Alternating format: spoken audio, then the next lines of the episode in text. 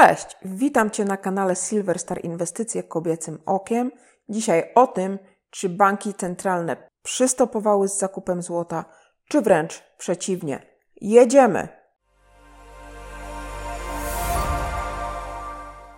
Kochani, zaledwie kilkanaście dni dzieli nas od kolejnej edycji Metalverse, bo widzimy się już we Wrocławiu 29 kwietnia. Czeka na Was mnóstwo wiedzy, nowe relacje i przede wszystkim genialna atmosfera. Oprócz znanych i lubianych twarzy, takich jak Anita Krew czy Tomasz Rutkowski, wielu nowych prelegentów na scenie. Zobaczycie m.in. Michała Wiśniewskiego, Marcina Tuszkiewicza, Kajetana Witeckiego i Annę Dąbrowską. A to nie koniec niespodzianek na Metalverse 3.0.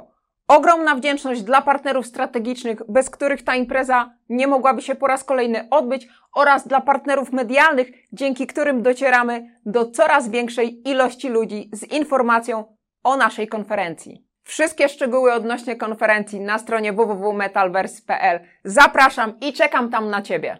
Kochani, mówiliśmy o tym, że 2022 rok był rokiem rekordowym pod kątem zakupu złota przez banki centralne.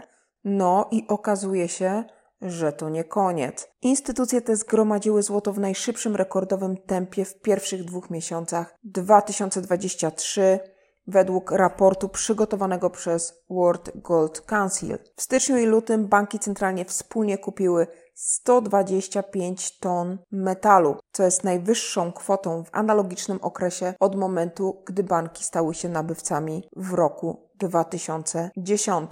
Kraje zgłaszające największe zakupy w pierwszych dwóch miesiącach to Singapur 51,4 ton, Turcja 45,5 tony, Chiny prawie 40 ton, Rosja ponad 31 ton i Indie blisko 2,8 tony. Centralny Bank Rosji opublikował aktualizację swoich rezerw złota po raz pierwszy od około roku, więc 31,1 tony prawdopodobnie zgromadzono w ciągu kilku miesięcy, a nie tylko w styczniu i lutym. Tymczasem bardzo niewiele krajów banków centralnych zmniejszyło swoje rezerwy złota. Sprzedawcami były Kazachstan, Uzbekistan, Chorwacja i Zjednoczone Emiraty Arabskie, chociaż roczne zakupy znacznie przewyższały tą ich sprzedaż. Jeśli spojrzymy na listę nabywców, o której mówiliśmy wcześniej, to łatwo zauważyć, że przynajmniej trzech jest członkami grupy BRICS. Warto zwrócić na to uwagę, ponieważ możemy zobaczyć w pewien sposób pojawienie się świata wielobiegunowego.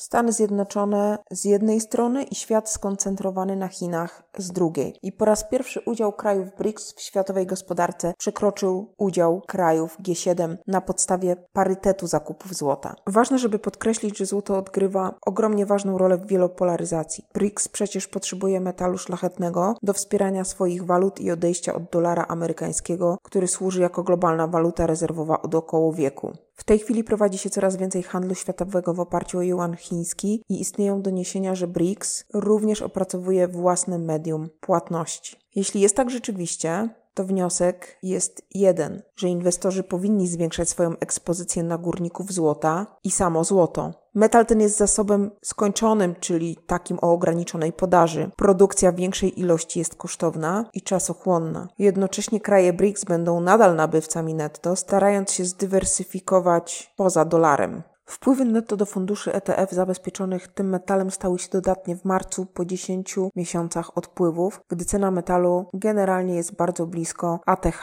Inwestorzy dodali prawie milion uncji do wszystkich znanych fizycznych funduszy ETF na złoto w marcu, co stanowi najwyższy miesięczny wzrost od marca 2022 roku, kiedy to inwestorzy dodali 1,4 miliona uncji. Według Bloomberga na dzień 31 marca łączna ilość złota wynosiła 93,2 miliona uncji. W świetle słabych wiadomości gospodarczych, bieżącej inflacji, rosnących stóp procentowych, chwiejnego sektora bankowego i napięć geopolitycznych, złoto zyskuje silną pozycję, starając się osiągnąć nowy rekord. Słabe dane produkcji wskazują na potencjalne problemy w gospodarce. Czy ty trzymasz zatem swoją rezerwę, chociaż niewielką w złocie? Gromadzenie zapasów złota jest w tej chwili rozważnym i ostrożnym zachowaniem, zwłaszcza, że sygnały recesji zaczynają pojawiać się coraz mocniej. I myślę tutaj o gospodarce Stanów Zjednoczonych. Działalność produkcyjna w Stanach skurczyła się w szybszym tempie przez czwarty miesiąc z rzędu i jest to trzeci najniższy odczyt od 15 lat po kryzysie finansowym i blokadach pandemicznych. Co więcej, każda kategoria od nowych zamówień przez produkcję po zapasy była w trybie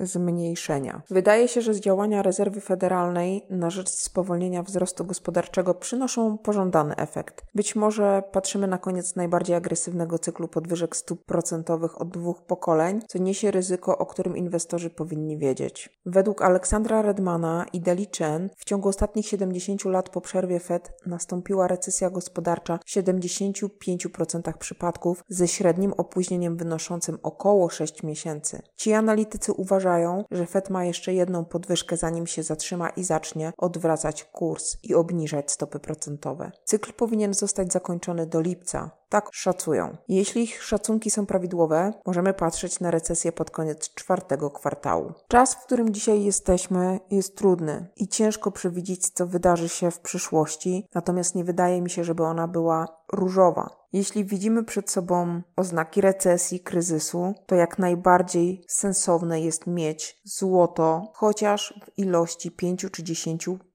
w swoim portfelu inwestycyjnym. Jeśli lubicie większe ryzyko albo jesteście w stanie je po prostu zaakceptować, to również w postaci instrumentów takich jak ETF-y czy akcje spółek wydobywczych. Nie zanosi się na to, żeby banki centralne, zwłaszcza krajów rozwijających się i gospodarek wschodzących, spowolniły swoje zakupy. I chyba warto tutaj tylko podkreślić, że jeśli nie wiesz, co robisz, to obserwuj dużych graczy na arenie międzynarodowej. I sam rób to samo. Dziękuję Ci już bardzo za dzisiaj. Na pewno te tematy zostaną również poruszone na konferencji Metalverse, która już 29 kwietnia we Wrocławiu. Serdecznie Ciebie zapraszam i widzimy się następnym razem. Dużo dobra. Cześć!